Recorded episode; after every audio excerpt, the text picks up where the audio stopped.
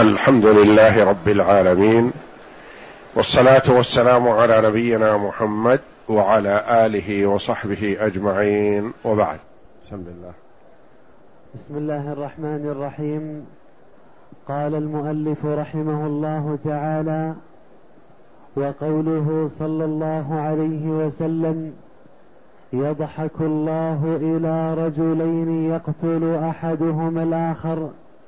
كلاهما يدخل الجنة متفق عليه. هذا الحديث الصحيح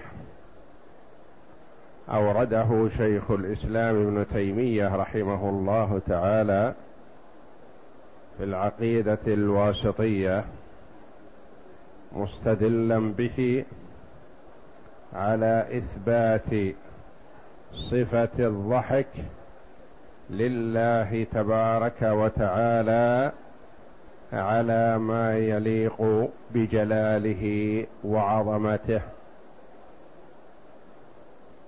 وتقدم لنا أن طريقة إثبات صفات الباري جل وعلا من أحد طريقين.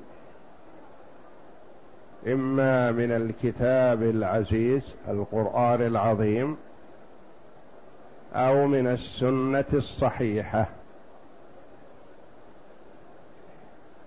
فبعض الصفات ثبتت بالكتاب والسنة.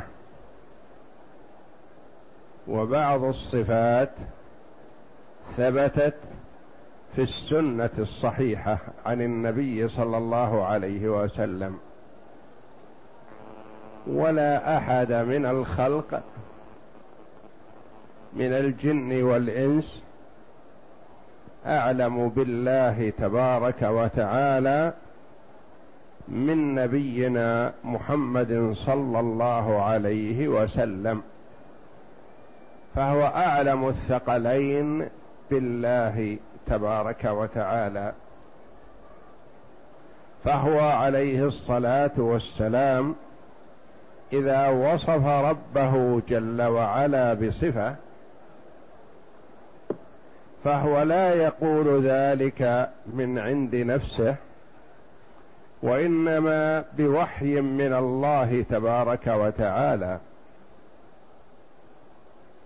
وصفات الباري جل وعلا لا تثبت بالاجتهاد. وإنما هي بالوحي. بالوحي الذي هو القرآن العظيم أو بالسنة الصحيحة لأنها الوحي الثاني.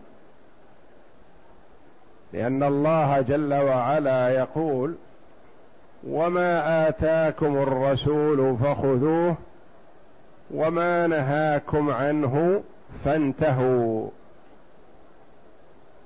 وقال الله جل وعلا وما ينطق عن الهوى إن هو إلا وحي يوحى. فكلامه صلى الله عليه وسلم وحي من الله تبارك وتعالى. فهو إذا وصف ربه جل وعلا لا يصح من عاقل يؤمن بالله واليوم الآخر أن يتردد في إثبات هذه الصفة. ما دامت وردت في السنة الصحيحة فلا يتوقف فيها ومن توقف فيها فالحقيقة أنه لم يحقق شهادة أن لا إله إلا الله ولم يحقق شهادة أن محمدا رسول الله. لأن من تحقيق شهادة أن محمدا رسول الله طاعته فيما أمر وتصديقه فيما أخبر. واجتناب ما نهى عنه وزجر وأن لا يعبد الله إلا بما شرع. ما نعبد ربنا إلا بما شرعه لنا نبينا صلى الله عليه وسلم. أما ما لم يشرعه النبي صلى الله عليه وسلم فلا يكون شرعا بل هو بدعة. والبدعة هي ما تعبد به لله غير موافق لسنة محمد صلى الله عليه وسلم. هذه البدعة. قد يكون المبتدع مخلص لله يعني قصد وجه الله لكنه على غير صواب على غير سنة. والنبي صلى الله عليه وسلم أثبت لربه تبارك وتعالى هذه الصفة. وعلى المسلم أن يحذر أن يخطر على باله أن صفة الباري جل وعلا تشابه صفة المخلوقين. لا لا تتصور أن ضحك الله تبارك وتعالى يشبه ضحك المخلوق. بفم وأسنان ولسان وغير ذلك لا. هذا الله جل وعلا منزه عنه. ليس كمثله شيء. ليس كمثله شيء. فالمؤوله والمحرفة للصفات تصوروا أن صفات الله جل وعلا مثل صفات المخلوقين ثم تطوروا فنفوها. قالوا ما يصلح. ونحن نقول نعم صفات الله جل وعلا لا تشبه صفات المخلوقين. فالمرء الذي يخطر على باله أن صفة ضحك الله تبارك وتعالى كصفة المخلوق إن هذا على خطر وهالك لأنه شبه. وإنما الضحك معلوم والكيف مجهول. والإيمان بما ورد في الكتاب والسنة واجب. والسؤال عن الكيفية بدعة كما قال الإمام مالك رحمه الله تعالى وقال غيره من علماء السلف. ونقل عن أم المؤمنين أم سلمة رضي الله عنها.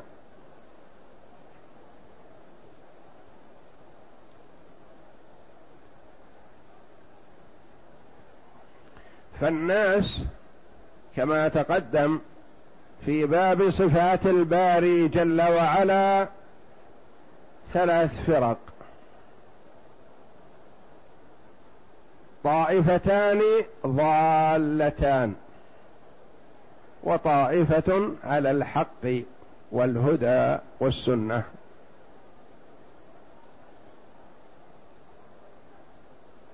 طائفة أثبتت وشبهت وهذا ضلال. الإثبات حسن لكن التشبيه لا. وطائفة نزهت فعطلت. والتنزيه حسن لكن التعطيل لا.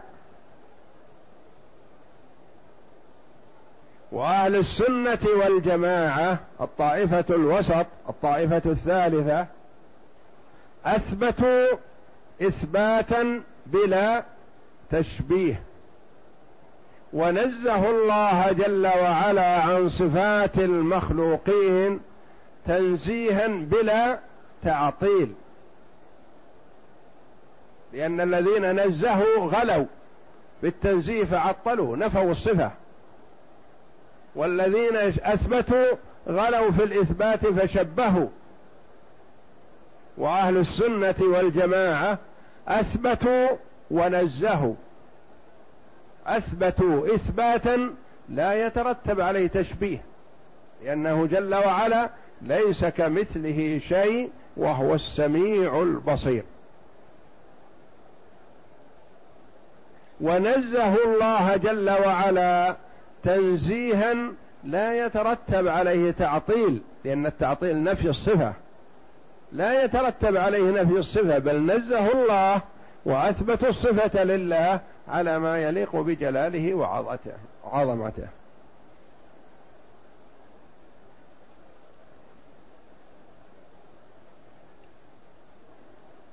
فالضحك لله تبارك وتعالى ثابت في الصحيحين. اللذين هما أصح الكتب المصنفة.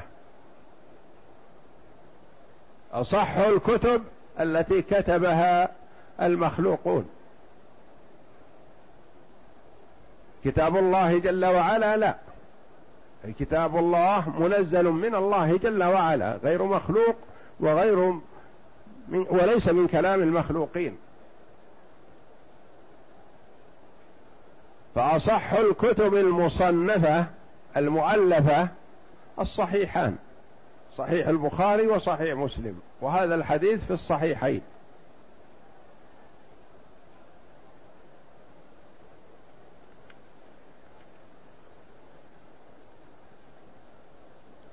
يقول صلى الله عليه وسلم يضحك الله إلى رجلين.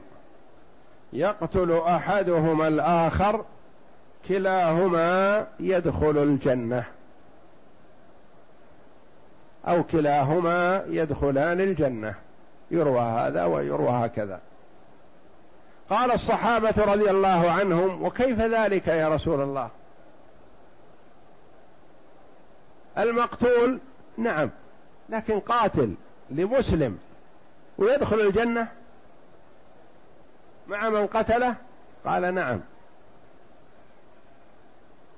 يستشهد الأول ثم يمن الله جل وعلا على القاتل فيسلم فيقاتل في سبيل الله فيقتل فيصير الرجلان شهداء. وكلاهما يدخل الجنة القاتل والمقتول. والله جل وعلا يضحك لهذا حينما يشهر المرء سيفه على المسلم فيقتله والله جل وعلا يعلم ازلا أن هذا القاتل الذي خرج وترك أهله وماله أو اصطحب ماله لرد كلمة الله ولقتال أولياء الله يدخل الجنة. لأنه جل وعلا عالم بما سيكون. كل شيء بقضاء وقدر. قدر الأشياء قبل أن يخلق السماوات والأرض بخمسين ألف سنة. يعلم دقائق الأمور وجليلها صغيرها وكبيرها ما كان وما سيكون. يعلم هذا يموت على الإسلام أو يموت على الكفر.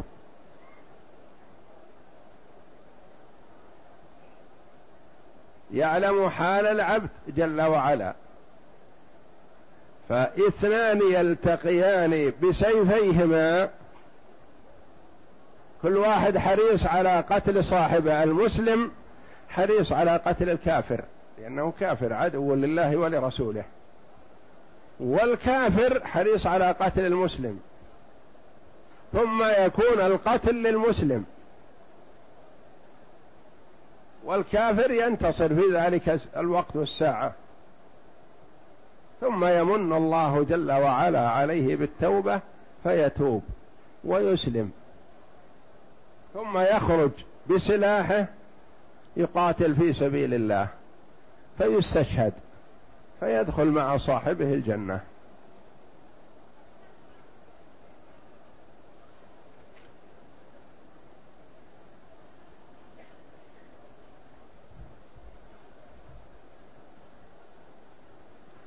وقد قال عليه الصلاة والسلام في الالتقاء بالسيفين والقتال إذا التقى المسلمان بسيفيهما فالقاتل والمقتول في النار. وهذا الحديث القاتل والمقتول في الجنة. الحديث هذا الذي معنا القاتل والمقتول في الجنة لأن المقتول خرج للجهاد في سبيل الله فاستشهد فصار من أهل الجنة. ثم القاتل أسلم وخرج للجهاد في سبيل الله فقتل فصار من أهل الجنة. والحديث الآخر إذا التقى المسلمان انظر مسلمان هم مسلم وكافر إذا التقى المسلمان بسيفيهما فالقاتل والمقتول في النار. الأول في الجهاد في سبيل الله والثاني في الفتنة التي تصيب المسلمين. يقاتل المرء ما يدري على ماذا يقاتل. ما قاتل لإعلاء كلمة الله ولا قاتل دفاعا عن نفسه ولا عن ماله ولا عن حرمه. يقاتل ما يدري معهم. فتنة. إذا التقى المسلمان بسيفيهما فالقاتل والمقتول في النار. قالوا يا رسول الله هذا القاتل فما بال المقتول؟ مقتول. ويكون في النار؟ قال عليه الصلاة والسلام إنه كان حريصا على قتل صاحبه. شهر سيفه وخرج بقاتل أخاه المسلم. فأحدهما قتل والآخر بقي. كلاهما في النار والعياذ بالله.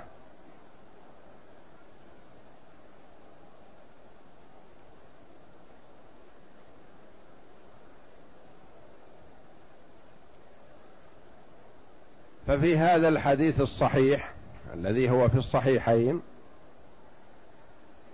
إثبات صفة الضحك لله عز وجل.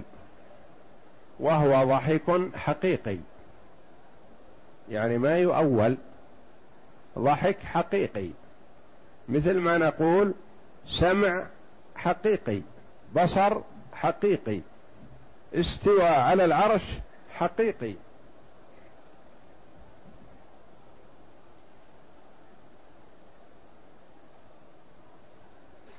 لا يشبه ولا يماثل ضحك المخلوق. المخلوق ضحكه يناسبه وضحكه يكون بشفتيه وأسنانه وتبرق أسارير وجهه وهكذا.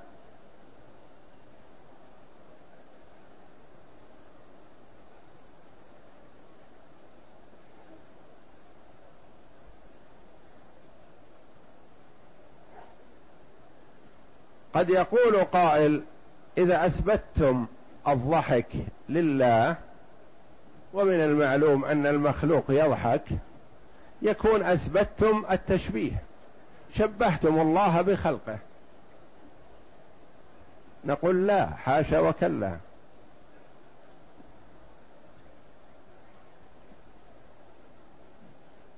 نثبت الضحك ولا نثبت التشبيه ولا نشبه.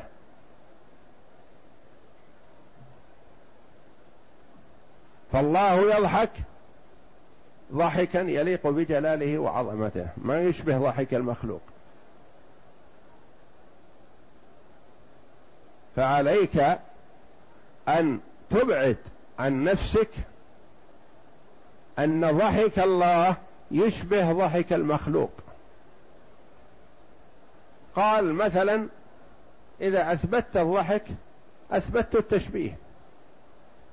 نقول لا نأتي له بالصفة التي يثبتها هو يثبت الإرادة ويثبت السمع ويثبت البصر مثلا نقول إذا أث... ماذا تقول في الإرادة؟ يقول أقول الله جل وعلا يريد إرادة تليق بجلاله وعظمته. هل هي كإرادة المخلوق؟ يقول لا ليست كإرادة المخلوق. نقول إذا نقول حنا نحن مثل قولك في الإرادة. ما دمت أنك تثبت لله جل وعلا إرادة لا تثبت صفات المخلوقين لا تشابه فنقول لله ضحك لا يشبه ولا يماثل صفات المخلوقين. والإرادة التي تثبتها مثلا لله تبارك وتعالى أثبتها الله جل وعلا للخلق. في قوله تعالى منكم من يريد الدنيا ومنكم من يريد الآخرة. فأثبت جل وعلا للمخلوق إرادة. بل أثبت للجدار نفسه. الجدار الجماد أثبت له إرادة جل وعلا. في قوله تعالى وأما الجدار فكان فوجد فيها جدارا يريد أن ينقض فأقامه. يريد. جدار يريد أن ينقض فأقامه في سورة الكهف. فالإرادة لله جل وعلا والإرادة للمخلوق المتكلم السميع البصير الآدمي والإرادة تكون للجماد كالجدار. لكن لا هذه تشبه هذه ولا هذه تشبه هذه. كل على قدره.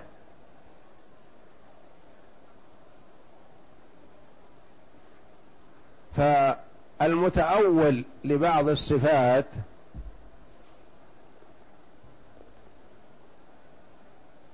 يقابل ويجادل بما يثبته من بعض الصفات لأنه ما يخلو. أي متأول مسلم وإن بلغ مبلغا عظيما في التأويل والتحريف لابد أن يثبت لله صفة. فإذا أثبتها نجادله فيما ينفيه بمثل ما أثبته. يقول أثبت لله السمع. لكن سمعا لا يشبه سمع المخلوقين. نقول نثبت لله جل وعلا الضحك ضحكا لا يشبه ضحك المخلوقين.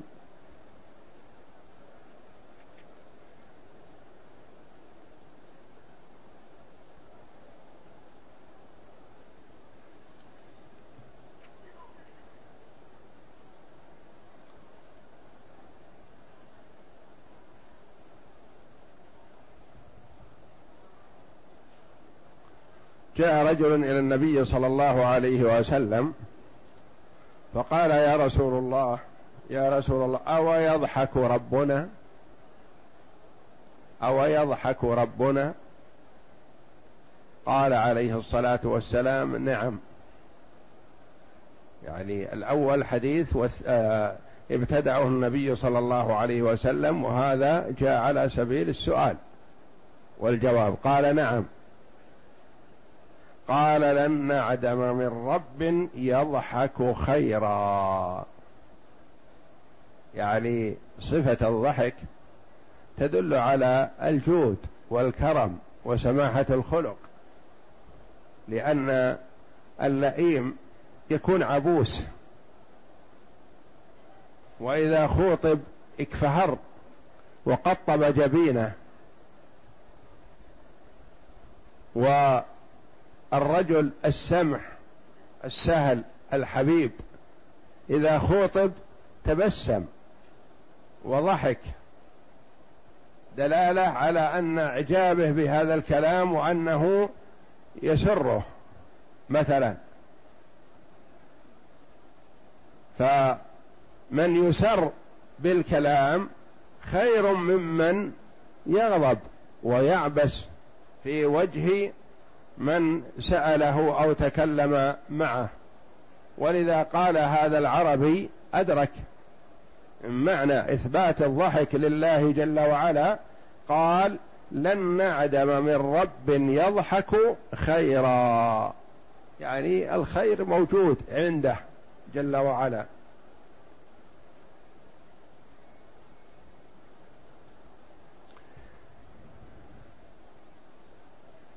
والضحك صفة ذاتية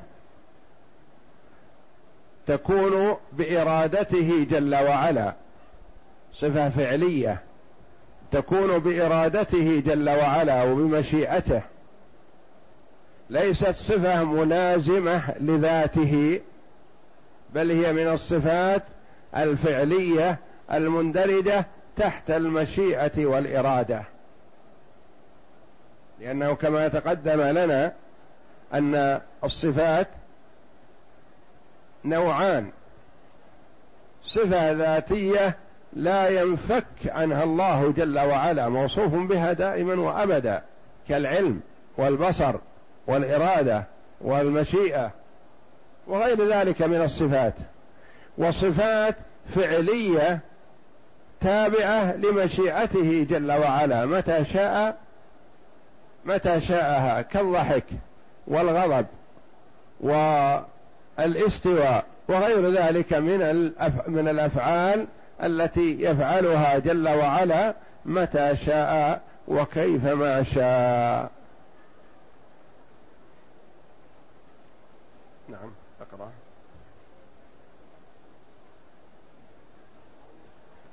قوله يضحك الله إلى رجلين إلى آخره. يثبت أهل السنة والجماعة. أهل السنة والجماعة الآخذون بسنة محمد صلى الله عليه وسلم والسالكون مسلك الصحابة رضي الله عنهم وأرضاهم. وقد قال عليه الصلاة والسلام افترقت اليهود على إحدى وسبعين فرقة وافترقت النصارى على ثنتين وسبعين فرقة وستفترق هذه الأمة على ثلاث وسبعين فرقة كلها في النار إلا واحدة. قالوا من هي رسول الله؟ قال من كان على مثل ما أنا عليه وأصحابي. نعم. يثبت أهل السنة والجماعة. وليس معنى قول صلى الله عليه وسلم كلها في النار يعني أنها كافرة خالدة مخلدة في النار. وإنما المعنى والله أعلم أنهم يستحقون دخول النار لما عندهم من المخالفات. نعم. يثبت أهل السنة والجماعة الضحك لله عز وجل كما أفاده هذا الحديث وغيره على المعنى الذي يليق به سبحانه والذي لا يشبه ضحك المخلوقين. عندما يستخفهم الفرح أو يستفزهم الطرب. بل المخلوق يضحك حينما يستفزه الفرح أو يستخفه يستخفه الفرح أو يستفزه الطرب. يضحك حينئذ. الله جل وعلا لا ليس هكذا وإنما نثبت له الضحك الذي أثبته لنفسه على لسان رسوله صلى الله عليه وسلم ولا نشبه ولا نمثل. نعم. بل هو معنى يحدث في ذاته عند وجود مقتضيه وإنما يحدث بمشيئته وحكمته. يعني إذا شاء جل وعلا ضحك وإذا شاء عدم ذلك نعم. فهو جل وعلا الضحك هذا بمشيئته متى شاءه وجد ومتى لم يشاءه لم يوجد ليس دائما. نعم. فإن الضحك إنما ينشأ في المخلوق عند إدراكه لأمر عجيب يخرج عن نظائره وهذه الحالة المذكورة في هذا الحديث كذلك.